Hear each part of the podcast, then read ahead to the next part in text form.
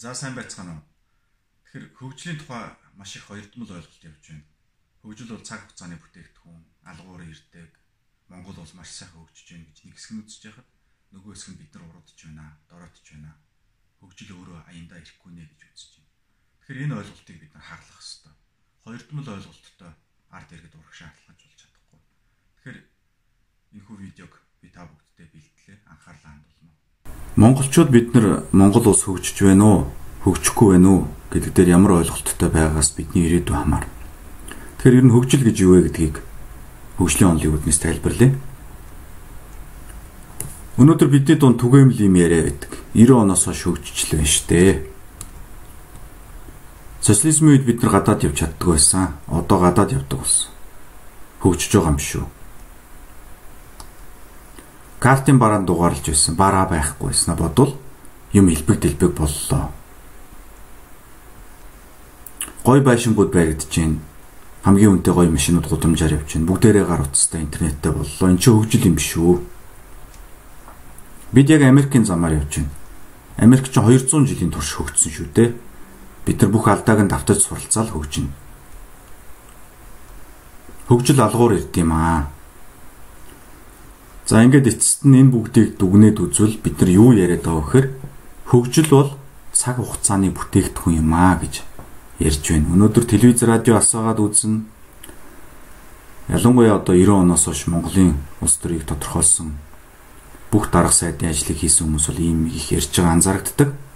Хөгжил бол цаг хугацааны бүтээгдэхүүн шүү дээ. Аянда яванда ирнэ шүү дээ гэдэг ийм асуудал яриад байна. А би үгүй гэж бодож байна. Би бол энийг 100% буруу гэж бодож байна. Тэгэхээр энэ талаар хэдүүлээ одоо ярилцъя.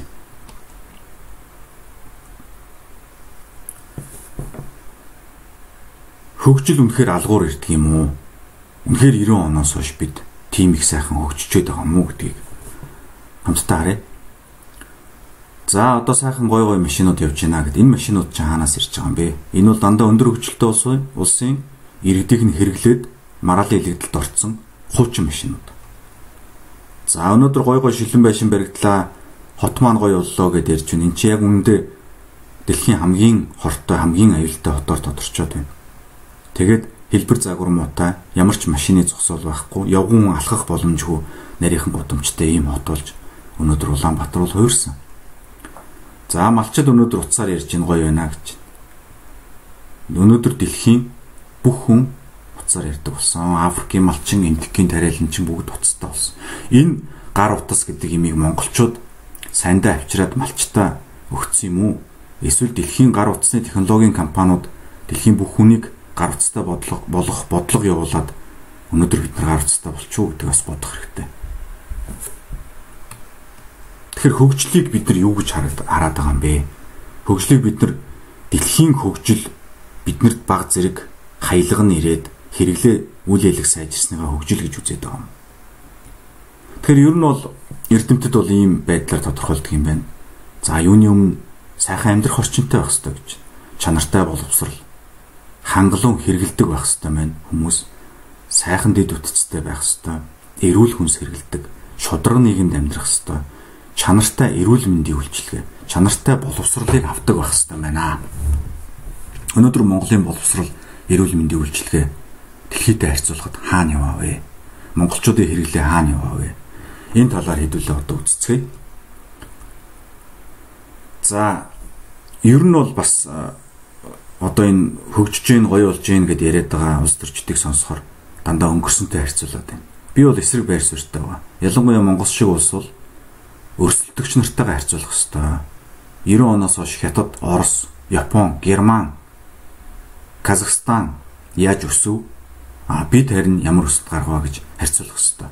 Тэрнээс 90 онд одоо эдийн засгийн ямарлын үед картын бараанд очилж ирсэнтэй өнөөдрийг харьцуулж одоо хүмүүсийг бол хуурах хэрэггүй.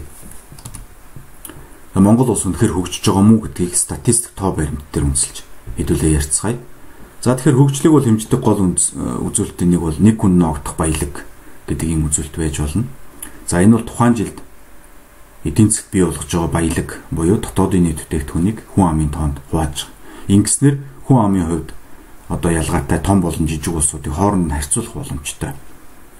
нэг нийтлэг хэмжүүрх хэмжигдэхүүн гаргаж байна гэсэн. За 80 оноос хойш Монгол улс бол энэ цэнхэр шугамар харагдаж байна. Өнөөдрийн байдлаар нэг 4000 доллар арай хүрэхгүй 3800 доллартай байгаа юм байна. Нэг хүн ногдох баялаг нь жилийн. За дэлхийн дундаж ногооноор харагдаж байна. Тэгэхээр 80 онд бол бид нар дэлхийн дундажтай ойрхон байсан байна. А гэтэл өнөөдөр дэлхийн дундаж бол өсөд 100000 доллар даваад явчихжээ. Бид дэлхийн дундажаас одоо баг 3 дахин баг. 3 дахин шүү, тэ. Ингээд дэлхийн дундаж хамгийн санаа зовж байгаа нь биднээс илүү хурдцтай өсөд Монгол дэлхийн дунджийн зааг улам алсарж байна. За хятад гэж улс чинь одоо Монголоос 80 онд бол хамаагүй ядуу байж нэг хүн ногдох баялгаар. Гэтэл 96 7 онд илүү гараад өнөөдөр дэлхийн дунджид хүрэх чинь дахиад 10 жилийн дараа бол хятад улс бол одоо ядуурлаас ангижирна гэж зарлчаад төрийн бодлого болчоод тэрнийхээ төлөө хятад үзэж байна. За Оросыг бид нар харж байна. За нөгөө Куб, хаалттай Куб ч манахаас дээр явж байна. Казахстан гэд Монголтой яг адилхан улсыг би сонгож оруулсан. Яг л байгалийн баялагтай ийм улс байж байгаа. Ингээд Монгол улс бол энэ үзүүлэлтээр бол үнэхэр хөгжөөг байна.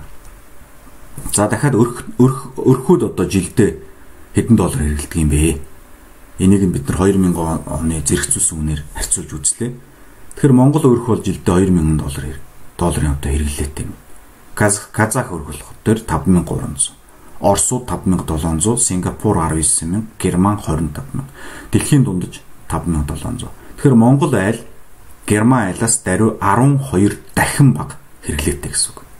Герман айлын одоо хоол, хүнс, хувцас, хунар, машин, тэрэг одоо өөрсдийнхөө эрүүл мэнд боловсрол зарцуулж байгаа энэ хэрэглээ бол 12 дахин их байна. Ийм байхад бид хөгжиж байна гэж ярих нь зөв.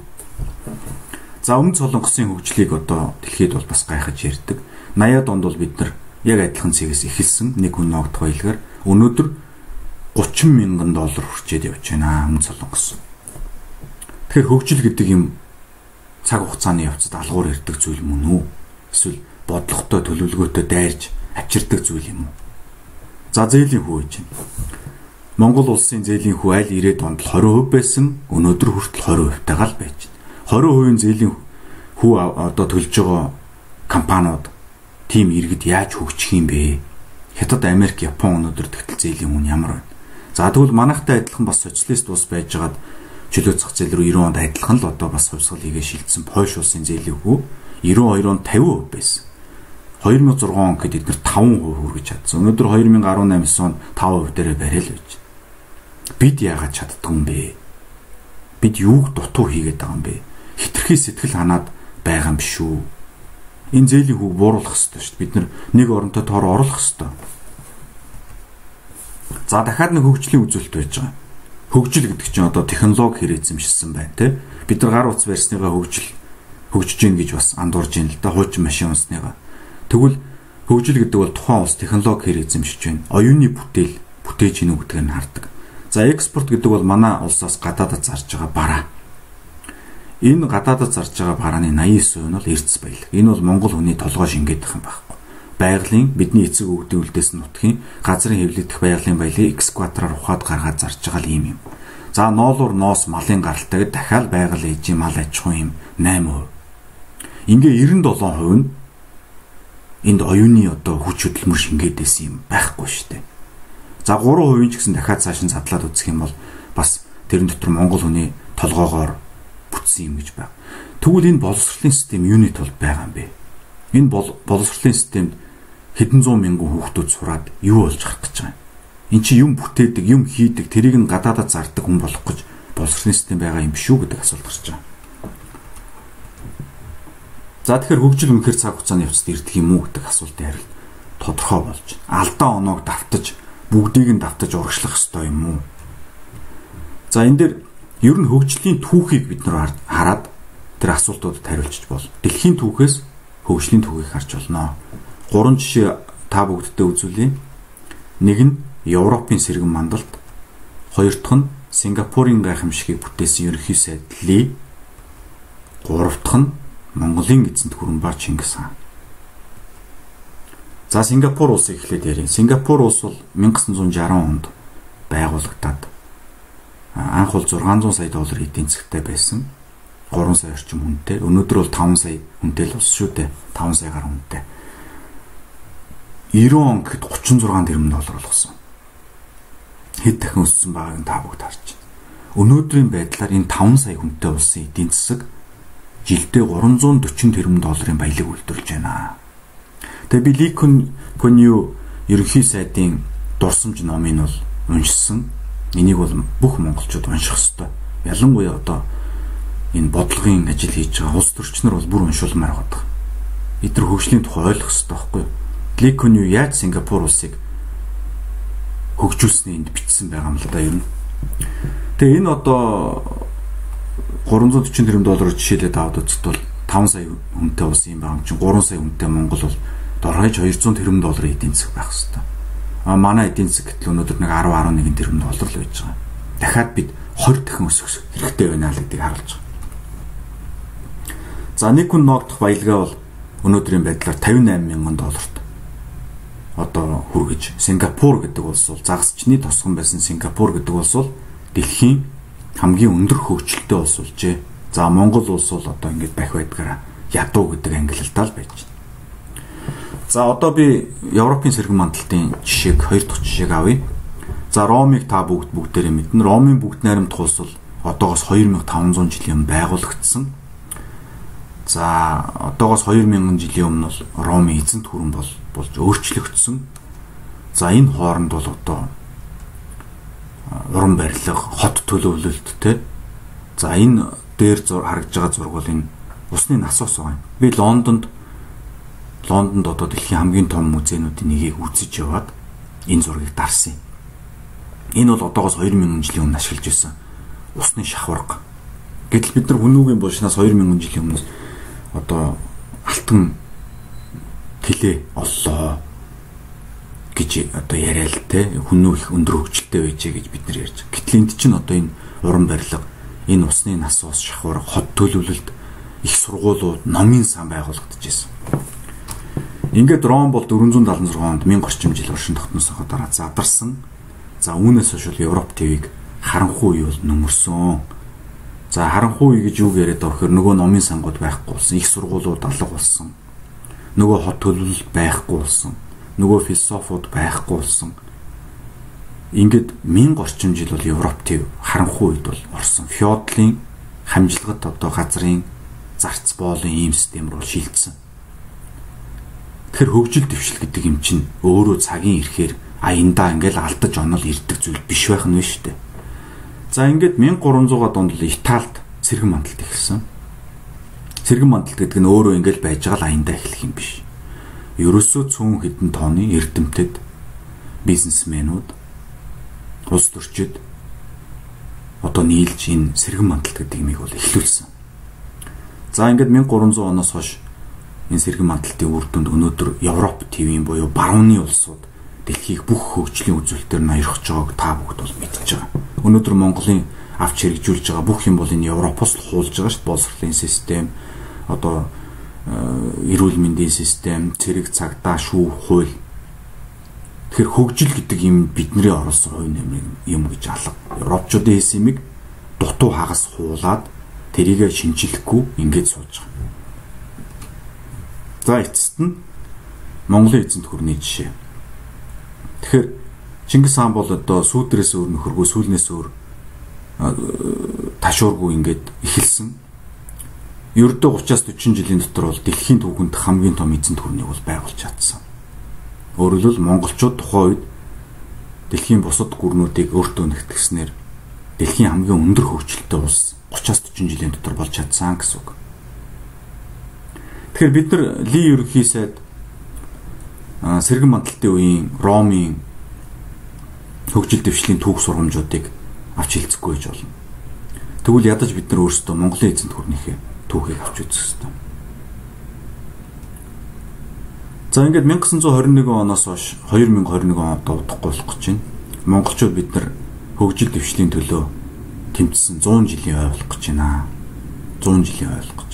21 онд бол Монгол үндэстнийг бол удахгүй мөхөх гэж байгаа үндэстэн байна гэж одоо эрдэмтэн тодорхойлсон бичсэн байдаг. Та бүгд зарим сонссон баг. За ийм улсыг бол одоо аваад 90 он хүртэл бол боловсролын системтэй, эрүүл мэндийн системтэй мухар сүсэг тэр бурангуй зүйлээс нь салгасан тий а буйнд бузар орно гэдээ усанд ордгоо байсан хүмүүс байсан гэж байгаа шүү. Тэгэхээр энэ бүх юмнаас нь одоо салгасан, ангижруулсан, боловсруулсан, хөгжүүлсэн, цэрэг цагтаатай болгосон, хууль шүүхтэй болгосон. Ингээ 90 онд бол одоо социалист нийгэм буруу мэдээж буруу, би бол буруу гэдэгт итгэж байна. А гэхдээ тэнд бас бүх юмыг харлуулж болохгүй гэж бол би бас итгэдэг. Ингээ 90 онд бол одоо ардчлал руу шилжсэн. Тэр үед бол олон улсын валютын сан, Дэлхийн банк, Монголын улс төрчнөр бол юу гэж ярьж ирсэн гэхээр чөлөөт зах зээл дээр ардчлалыг нэмээд тавьчих тэр хөгжил өөрөө шууд гүгээд ороод ирдэг юм аа л гэж ярьж ирсэн. Өнөөдөр 90 оноос хойш 30 жил өнгөрч байна. 30 жил. 30 жил гэдэг хөгжилд ямар их зүйл амжуулж болох хугацаа вэ гэдгийг бид нар сайн ярьсан. Өнөөдөр бид тэгээд 2021 он 100 жилийнхээ хойно дэр дэлхийн хамгийн ядуу улсуудын нэг хэвээрэл байж байна. Манай эрүүл мэндийн боловсролын систем дэлхийд доогуур жагсаж байна. Маш олон одоо ранкингууд байгаа шүү дээ. Үзүүлэлтүүдээр хэмжиж үздэг тийм. Илэгний нас баралтаар номер 1, ходоодны хор тавдраар номер 3 муу үзүүлэлтүүдийн тэргүүлдэг. Бохирдлороо номер 1 тийм а сайн үзүүлэлтээр болохоор дандаа 100-аас хойш 120, 130, 145-д жагсдаг. Тэгэхээр бид нар өнөөдөр 100 жилийнхээ энэ ойг бол дүгнэх ёстой. Бид нар ухаарах ёстой. Хөгжил бол цаг хугацааны бүтээгдэхүүн биш. Алдаа оноог давтаж хөгждөг юм байна. Монголын ард түмэн дэлхийг өнгөлж явсан үеэ санагалзаж дэлхийн бодлогыг тодорхойлж явсан үеэ санагалзаж дэлхийн хамгийн өндөр хөгжилтэй улс байсан үеэ санагалзаж хөгжлийн төлөө зүтгэсэн 100 жилийн ой болох гэж байна. Өнөөдөр хүртэл бид нар ингээд улс төрчдийн үгээр мунхраад суух уу? Өнөөдөр телевиз радио асаага та нар сонс. Юу гэж ярьж байна? Өө хөгжил бол алгуур ирдэг штэ. Алдаж оноод бүгдийг нь дамжаад явдаг байхгүй юу? Сайхан хөгжиж л штэ. Юундээ сөрөг юм яриад байгаа юм бэ? Битгий харлуулаад байл та. Энэ бол явахтай сэтгэл зүйн онлоос авч үзэхэд их ойлгомжтой л үзэгдэл л дээ. 90 оноос хойш 2020 он хүртэл 30 жил улсыг бүх сайд даргын ажил одоо албан тушаалыг хийгээд бүх юмыг нь одоо бодлогын тодорхойлоод тэгээд 30 жилийн дараа улс орон ийм байдалтай хэвээрээ ингэж байж хахад хүн яах вэ? Тийм ээ. Миний буруу. Би алдчихжээ. Би буруу удчихжээ. Би буруу хийчихжээ гэж хэлэхгүй штэ. Юу ярих вэ? Дахиад улсын хурлын гишүүн болохгүй л үсгээл явж штэ цаан чинь. Бүх сайд дарга Монгол улсын бүх даргын албыг хашаад ерөөсөө сэтгэл ханахгүй. Өөртөө дүн тавьж чадахгүй. Тэгэхээр энэ бол яг хөтэ зүгээр сэтгэл зүйн ухааны үднэс зүгээр дундаж хүнд байдаг л юм л амин хуваа хичээсэн, хохоосон, хариуцлага ямар ч ухамсар байхгүй ийм л зүйл л дээ. А мундаг лидер хүний одоо онцлог чанар байдаг харамсалтай тэр мундаг лидер нэг ховор байдаг. За ямар чанар байдаг вөхөр өөрийгөө шүмжэлтээнүүдээр хардаг. Өөрийнхөө хийсэн бүтээсэн юмыг дүгнэж цэгнэж чаддаг. Өөрийгөө дандаа өрсөлдөгчтэй харьцуулж дүгнэд. Өөрийнхөө өнгөрсөнтэй биш. Дандаа дээш нь хамгийн хүчтэй өрсөлдөгчтэй өөрийгөө харьцуулж үздэг ийм бас оюуны чадвартай байдаг. Харамсалтай нь өнөөдөр өнгөрсөн 30 жил тийм оюуны ухаантай лидер биднэрт төрж гарсангүй дээ. За ингээд ямар ч сан хөгжил дэвшлийн талаар бид нар би санал асуулга явуулж үзсэн. Тэгээ Twitter, Facebook нийлээд 2500 санал өглөө. Монгол улс хөгжиж байна уу гэд асуухад бол 76 он хөгжихгүй байна. Реформ хэрэгтэй гэж хариулсан байна. Тэгээ ямар ч сан хүн амын маань 3-ны 2 нь 3 дутмын 2 нь энийг ойлгож байгаа, надтай адилхан бодож байгаад бол би маш их баяртай байна. Одоо бид нар ингэж бодоод зогсохгүй бид нар хөдлөх ёстой. Бид нар хөдөлмөрлөх ёстой бид нар одоо ерөөсөө зүгээр сууж болохгүй. Хөгжлийг бол яах ёстой. Хүчээр авчирдаг юм байна. Бид нар 30 жилийн алдчихлаа. Зарим тал дээр бүр ухралт гаргалаа өмнөх 70 жилээс. Бидний хөгжил гэж андуураад байгаа юм чинь дэлхийн хөгжлөөс хаяглаганд нь орж ирсэн юмнууд байна. Бидний өөрсдийн оюун ухаан толгоогоор авчирсан юм гэж энэ талгаа. Тэгэхээр аа хит сөрөг байх нь дэмий, эерэг байх нь зөв өнтер гэдэг ийм деми балаа юм ярьж тэ бодит байдлыг одоо саармагжуулах хэрэггүй байгаа юмыг байгаар нь хүлээн зөвшөөрч сурнаа гэдэг бол харыг нь хараар нь цагааны цагаанаар хэлэх байдаг. энэ дэлхийд саарл гэж юм байхгүй. Манай улсын хөгжлийг хэмжээд үзэхэд харал гарч байна. Хар байна. Цагаан юм алга. Тэгвэл энийг цагаан болохын төлөө зүтгэн. Саарл байна гэдэг хэлчээр хүмүүс тайвшраа суучдаг. За видеог үзсэн та бүгдээ баярлалаа. Хөгжил гэдэг бол цаг хугацааны бүтээгдэхүүн биш. Харин ард түмний хүсэл эрмэлзлээс шууд хамаардаг юм байна гэдгийг та бид нар ойлголоо.